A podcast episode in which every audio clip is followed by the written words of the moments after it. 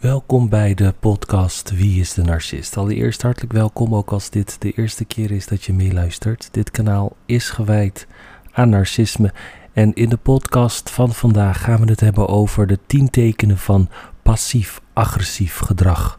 Wat is passief-agressief gedrag? Vraag je je af of je partner, vriend, vriendin, vader, moeder, zus, broer passief-agressief is? Heb je het gevoel dat woorden en daden niet overeenkomen? Ben je verward en gefrustreerd door de gemengde berichten die je van hen ontvangt? In deze podcast bespreken we wat passieve agressie is. Hoe je kunt zien of je partner een passief-agressieve inslag heeft en wat je eraan kunt doen. Wat is passieve agressie? Passieve agressie is gevoelens van woede of vijandigheid die worden gemaskeerd, gedempt en vermomd als iets anders om conflicten te vermijden of verantwoordelijkheid te ontlopen. Op een bepaald niveau bestaat het in bijna elke relatie. Je werd bijvoorbeeld gekwetst door een ongevoelige grap die je vriend of vriendin maakte. Maar in plaats van ze ermee te confronteren, ontweek je hun telefoontjes, ja, misschien voor een aantal weken, alsof je druk had. In een meer sinister scenario kan een narcistische ouder passief-agressieve taal gebruiken om met zijn kind te communiceren. Ze kunnen subtiel het fysieke uiterlijk van het kind bekritiseren, schuldgevoelens opwekken omdat ze niet meer hebben gedaan om de genegenheid van de ouder te verdienen, of het kind gewoonlijk vergelijken met broers en zussen, neven, kinderen van vrienden enzovoort. Omdat ze het kind niet rechtstreeks vertellen: je bent niet goed genoeg of je verdient mijn liefde niet, kunnen ze emotionele pijn toebrengen zonder enige gevolgen. Passieve agressie komt ook veel voor in intieme relaties. Van alle dysfunctionele intieme relatiepatronen is passieve agressie een van de ergste. Het creëert emotionele incongruentie waarbij de woorden en acties van de persoon niet overeenkomen met hoe ze zich werkelijk voelen. De incongruentie saboteert op zijn beurt de relatie en leidt tot onuitgesproken frustratie en wrok. En toch nemen mensen zo vaak hun toevlucht tot passieve agressie, omdat het een gemakkelijke manier is om de verantwoordelijkheid voor onaanvaardbare gevoelens te ontlopen en hun partner te straffen, zonder tussen haakjes de slechterik te zijn. Goed voorbeelden van passief-agressief gedrag. Passieve agressie omvat een veelheid aan gedragingen die in wezen één doel hebben: confrontatie vermijden door de ware gevoelens achter het gedrag te verbergen, waaronder stiltebehandelingen, stoonwalling, schuldgevoelens, negatieve vergelijkingen, kritiek gepresenteerd als zorg, achterbakse complimenten, klagen, het slachtoffer spelen, saboteren, uitstelgedrag, afspraken annuleren, chronisch te laat zijn, vijandige of niet communicatieve houdingen, non-verbale signalen zoals zuchten, bepaalde blikken, boze gebaren, sarcasme en kwetsende grappen. Hoe passieve agressie klinkt. We gaan het hebben over een voorbeeld en dit is een gesprek tussen een man en een vrouw hè, als ze net van een feestje naar huis rijden. En uh, een vrouw vraagt aan haar man: Ben je boos op mij? Echtgenoot antwoordt: Nee. Waarom denk je dat? Vrouw: Je hebt amper twee woorden tegen me gezegd sinds we in de auto zijn gestapt. Is het omdat ik met Kees heb gepraat? Ik zei toch dat er niets tussen ons aan de hand is. We zijn gewoon vrienden. Echtgenoot: Dat weet ik. Je kunt praten met wie je wilt. Vrouw: Dus je bent niet boos. Man: Natuurlijk niet. Als je je als een idioot wilt gedragen in het bijzijn van al onze vrienden, dan is dat jouw keuze. Ik heb daar geen problemen mee. Vrouw, noem je me een idioot? Man, nee, dat zou ik nooit doen. Ik vraag me gewoon af waarom je met je ex wilde flirten na alles wat hij je heeft aangedaan. Vrouw, ik was niet aan het flirten. We spraken over zijn zoon. Ik heb hem wat aanbevelingen gedaan voor scholen. Dat is alles. Man, oké, zoals ik al zei, je bent een vrije vrouw. Ik kan je niet vertellen wat je moet doen. Valt weer stil. Echtgenote zegt: Het spijt me. ik zal niet meer met Kees praten als je er last van hebt. Man, oh, ik heb er geen last van. Je kunt met hem praten als je denkt dat het een goed idee is. En valt weer stil. Goed, laten we dit gesprek deconstrueren. In dit voorbeeld wil de man geen gevoelens van jaloezie en onzekerheid toegeven. In plaats daarvan kiest hij stilte om zijn afkeuring en woede te communiceren. Laat zijn vrouw zich schuldig voelen omdat ze met een andere man praat, alsof ze iets beledigends heeft gedaan. Valt haar intelligentie aan en impliceert dat ze hem publiekelijk in de verlegenheid heeft gebracht. Wanneer ze hem confronteert met noem je me een idioot, gebruikt hij gaslighting door het te ontkennen. Nee, dat zou ik nooit doen. Nadat de vrouw gedwongen is zichzelf te verdedigen, stemt ze er uiteindelijk mee in om niet meer met haar ex te praten. Dus de man krijgt zijn zin zonder kwetsbaar te zijn en zonder verantwoordelijkheid te nemen voor zijn controlerende gedrag. Dit voorbeeld illustreert dat passieve agressie niet ongevaarlijk is. In feite kan het schadelijker zijn dan actieve agressie vanwege zijn verborgen uh, aard, desoriënterende aard. Goed, laten we het hebben over de oorsprong van passieve agressie.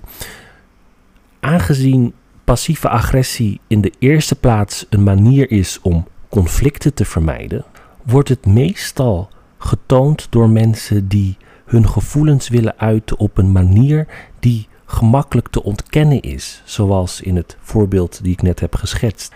Dit communicatiepatroon vindt zijn oorsprong meestal uit de kindertijd. Mensen die passief-agressief zijn, groeiden vaak op met explosieve woede of in huishoudens waar het uiten van woede verboden was. Ze zijn dus doodsbang voor die emotie en hebben geen model voor een gezonde conflictoplossing. Ze onderdrukken hun woede om conflicten te vermijden, maar tegelijkertijd kunnen ze het niet volledig doven, dus handelen ze op een passief-agressieve manier. Het kan ook opzettelijk manipulatief gedrag zijn dat deel uitmaakt van een groter patroon van persoonlijkheidsstoornissen. Zo worden narcistische en borderline persoonlijkheidsstoornissen geassocieerd met passieve agressie. Goed, laten we het nu hebben over 10 tekenen uh, van iemand die passief-agressief is. Het herkennen van passief-agressief gedrag kan lastig zijn, omdat het per definitie subtiel en gemakkelijk genoeg is om te ontkennen. Je kent bijvoorbeeld je man of vrouw waarschijnlijk beter dan wie dan ook. Je hebt misschien gemerkt dat sommige van hun gedragingen niet situationeel of sporadisch zijn. Ze zijn een patroon en als zodanig zijn ze gemakkelijker te herkennen. Goed, hier zijn enkele van de meest voorkomende passief-agressieve gedragingen die sommige mensen vertonen. Ik praat, ik praat in de hij-vorm, maar het kan natuurlijk ook van toepassing zijn op een vrouw. Goed, allereerst verwacht dat je een gedachtelezer bent. Een passief-agressief persoon vindt het moeilijk om zijn behoeften rechtstreeks te communiceren. Dus hij zal hints geven en vage uitspraken doen in de hoop dat je zult raden wat hij wil en zijn verlangens als een magische geest zal vervullen. Dit gedrag is niet per se agressief of gedreven door woede, maar het is erg frustrerend om mee om te gaan.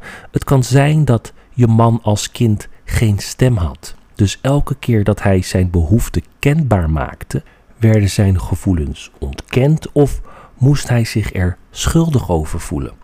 Wat de reden achter dit gedrag ook is, het is geen productieve manier om in je behoeften te voorzien.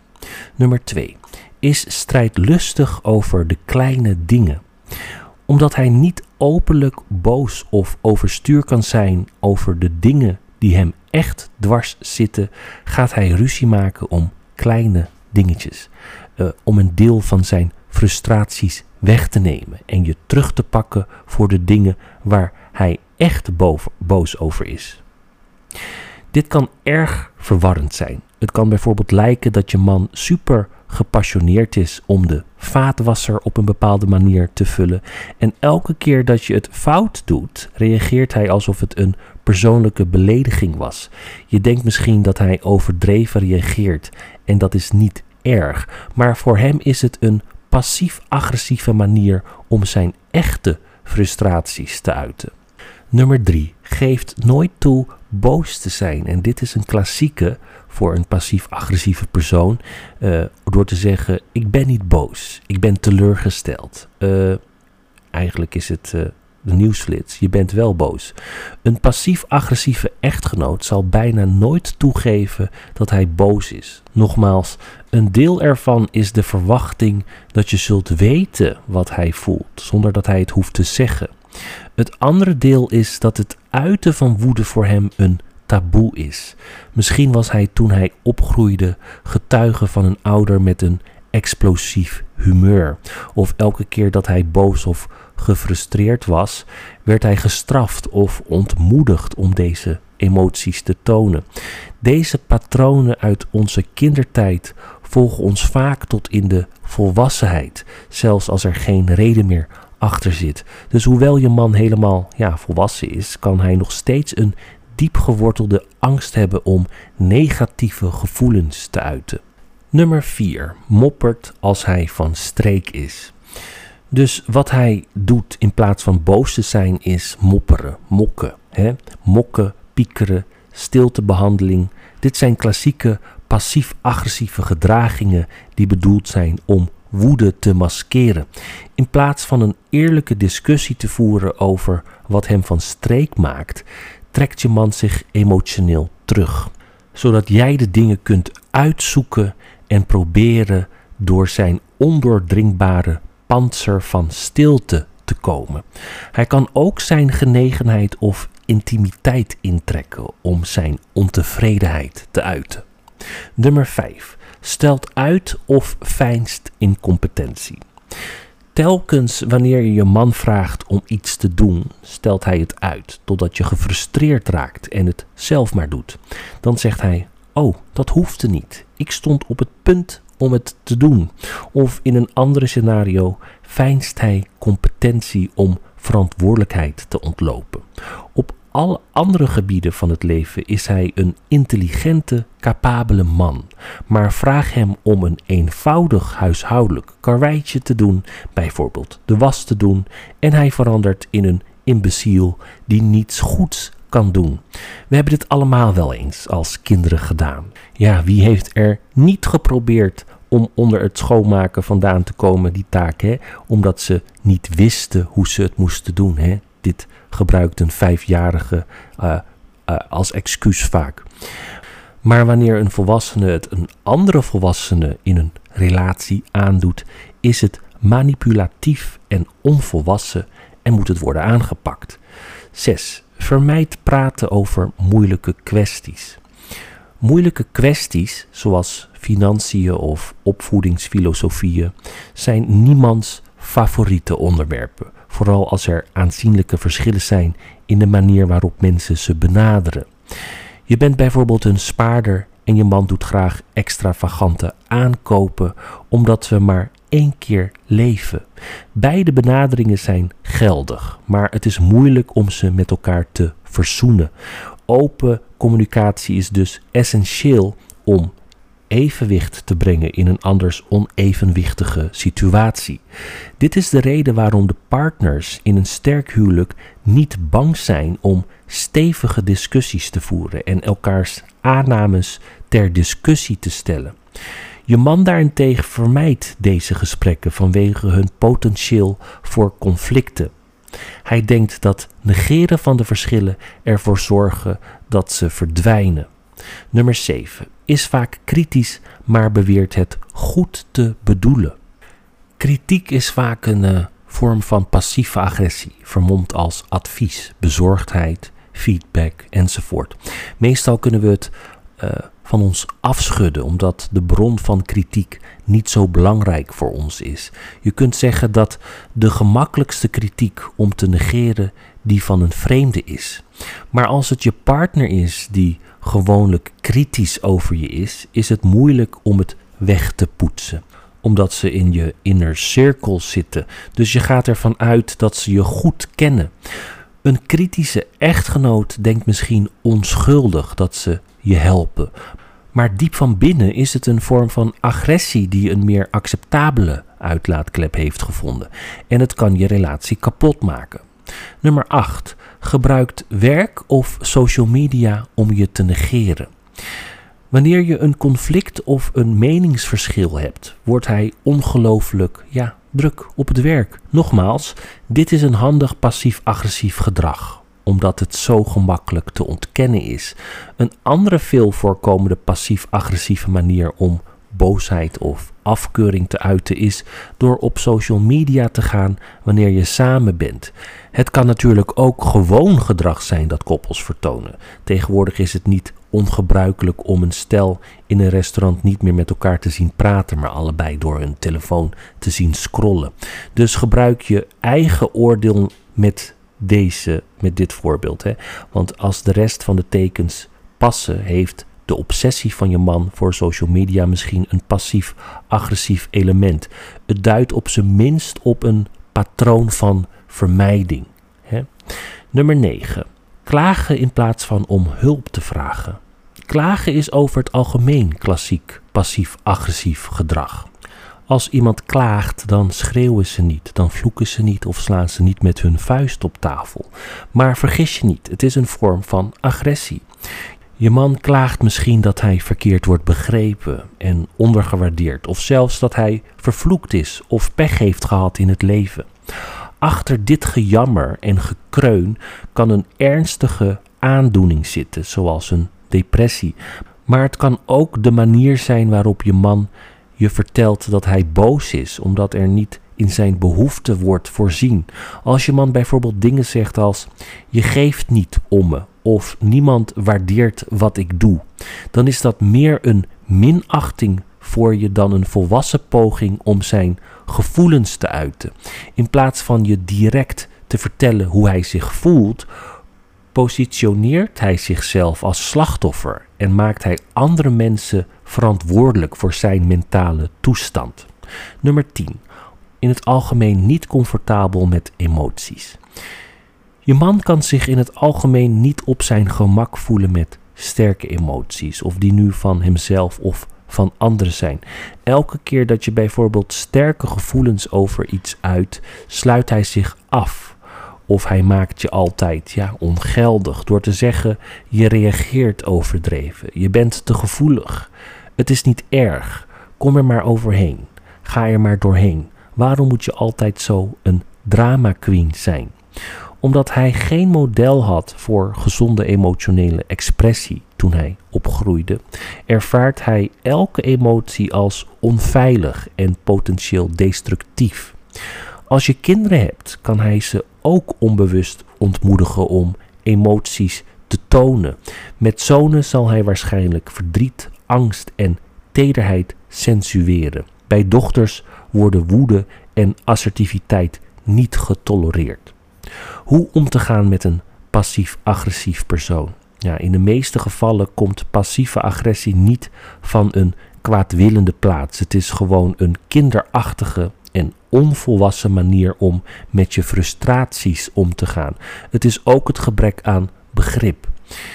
Deze persoon is er zich er misschien niet van bewust dat conflicten een normaal onderdeel zijn van een gezonde relatie. Sterker nog, als een stel nooit vecht, is dat een rode vlag.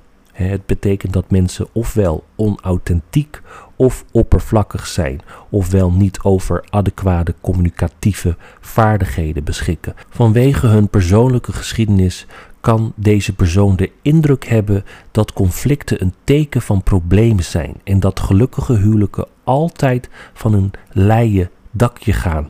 Conflicten maakt deze mensen bang of geeft ze het gevoel dat er iets mis is. Als je naar deze podcast hebt geluisterd en je waarschijnlijk iemand herkent hè, die passief-agressief gedrag vertoont, sta je voor een lastige dilemma, zeker als je met deze persoon bent getrouwd. Zijn gedrag of haar gedrag tolereren of proberen het te veranderen. Ja, als je naar het laatste neigt, weet dan dat het passief-agressief gedragspatroon erg ingebakken is. Het is iets dat gedurende vele jaren wordt gekweekt en het heeft aanzienlijke voordelen. Het zal dus niet van de ene op de andere dag verdampen. Zelfs als een persoon die passief-agressief gedrag toont bereid is om iets te veranderen, zal het een proces zijn. Dus wat kun je doen om deze persoon verder te helpen?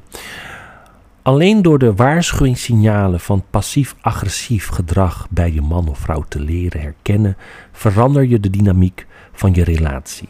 Het hebben van dit inzicht is een enorme stap voorwaarts, waardoor je je eigen reacties beter kunt beheersen en een scherper begrip krijgt van het soort relatie dat je wilt. Goed, hier zijn een paar andere dingen die je zou kunnen doen. Allereerst praat openlijk over het probleem. Praat met hem of haar over het probleem, maar niet in het heetst van een discussie. Laat deze persoon weten dat het veilig is om zijn of haar emoties te uiten, hè, de ware emoties, zolang ze maar respectvol zijn. Gebruik ik-uitspraken en vermijd een beschuldigende toon of lichaamstaal. Je kunt bijvoorbeeld zeggen: Als je iets uitstelt dat ik je heb gevraagd te doen, voel ik me afgewezen en niet gerespecteerd. Ik zou het op prijs stellen als je het in de toekomst eerder doet of mij direct vertelt dat je het niet gaat doen. Onthoud, je verdient eerlijkheid en respect.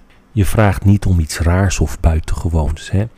2. Geef het goede voorbeeld. Laat hem of haar zien dat een conflict niet catastrofaal of destructief hoeft te zijn voor een relatie. Wanneer een probleem zich voordoet, laat emoties het dan niet overnemen of neem geen toevlucht tot persoonlijke aanvallen. Zoek een gemeenschappelijke basis en erken zijn of haar gevoelens terwijl je de jouwe uitspreekt. Erken en beloon ook zijn inspanningen om directer te zijn, hoe klein ze ook zijn. Na verloop van tijd zal zijn assertiviteit groeien en zal hij authentieker kunnen communiceren. Of je man nu is opgegroeid in een omgeving die passieve agressie kweekte, of dat hij dit ongezonde communicatiepatroon heeft opgepikt in een eerdere giftige relatie. Er is een manier om de gewoonte te doorbreken en een nieuwe manier van zijn aan te nemen. Als hij open en toegewijd is aan verandering. Nummer 3. Stel grenzen aan.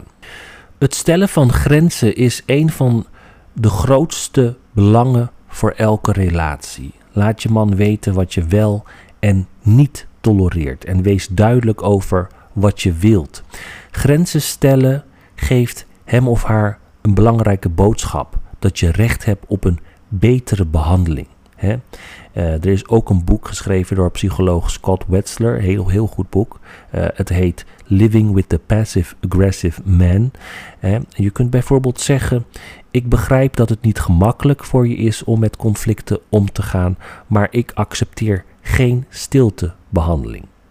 Nummer 4. Zoek professionele hulp. Ja, als je man of vrouw geen vooruitgang boekt, blijft terugkeren naar zijn of haar oude gewoontes of zelfs erger, uh, of dat ze erger worden, omdat zijn innerlijke demonen eng zijn en hij in opstand komt tegen de druk om te veranderen, zoek dan de hulp van een therapeut. Professionele hulp zoeken kan een goed idee zijn, ongeacht eventuele tegenslagen, omdat het een passief-agressief patroon meestal uh, zijn oorsprong vindt uh, uit de kindertijd. Hè.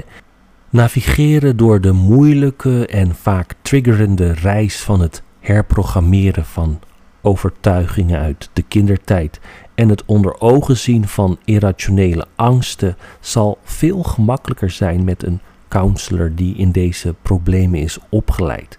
Therapie kan ook communicatie verbeteren, strategieën bieden om uitdagingen te overwinnen en je huwelijk helpen te versterken. Of het kan duidelijker uh, maken dat het huwelijk voorbij is. Hè? Um, ik zeg ook heel vaak, ja goed, dan hoor ik mensen nu zeggen, ja, uh, om het huwelijk te verbeteren. Ja, meestal is het dan toch, kom je tot de conclusie eigenlijk dat het huwelijk voorbij is. Uh, want er zijn immers verschillende soorten passieve agressors. Hè? En niet iedereen is bereid of in staat om te veranderen. En heel vaak zeg ik, heel vaak zeg ik eigenlijk dat narcisten niet in staat zijn om te veranderen. Als je het gevoel hebt dat je man of vrouw meer manipulatief en controlerend is dan kinderlijk en passief, overweeg dan de mogelijkheid dat je in een gewelddadig huwelijk zit en zoek hulp. Ehm, en het uitgangspunt eh, is vaak uh, ga bij deze persoon weg. En dat is niet altijd makkelijk, zeker als je getrouwd bent en er zijn kinderen betrokken in een huwelijk, dan moet er natuurlijk uh, ja, altijd een bepaalde vorm van, van communicatie open blijven. Maar houd dit dan zo minimaal mogelijk. Ja, lieve mensen, ik hoop dat het een interessant onderwerp is geweest voor vandaag. Als dat zo is, laat je comments achter in de commentbox via het YouTube-kanaal Wie is de Narcist. Like, like deze video, deel dit, deze video. Um, u kunt me ook volgen via Instagram. Ik heb in de gaten gehad dat ik een, sommige berichten niet heb gezien of heb gelezen en uh, dit uh, te laat heb uh, on, gezien. Uh, maar dat komt omdat uh, ik heel veel mensen natuurlijk niet terugvolg. Dus jullie berichten komen dan vaak in een, uh, ja, in een soort van, nou ja, ik wil niet zeggen spam map, maar een, een andere map. verborgen berichten, sorry, daar komt die in. En dan zie ik het veel te laat of dan zie ik soms wel eens een paar dagen later en denk ik, oh god, ik heb niet gereageerd of ik heb dit bericht niet gelezen. Dus excuses daarvoor, lieve mensen. En zoals jullie weten, ik heb vorige week vrijdag geen podcast geüpload. Dus um, ik zal het goed maken door een van deze dagen nog uh, twee podcasts te uploaden. Maar goed, dat komt dat ik vorige week best wel druk uh, uh, was. En goed, dan lukt het soms even niet. Goed, lieve mensen, bedankt voor het luisteren voor vandaag en tot de volgende keer.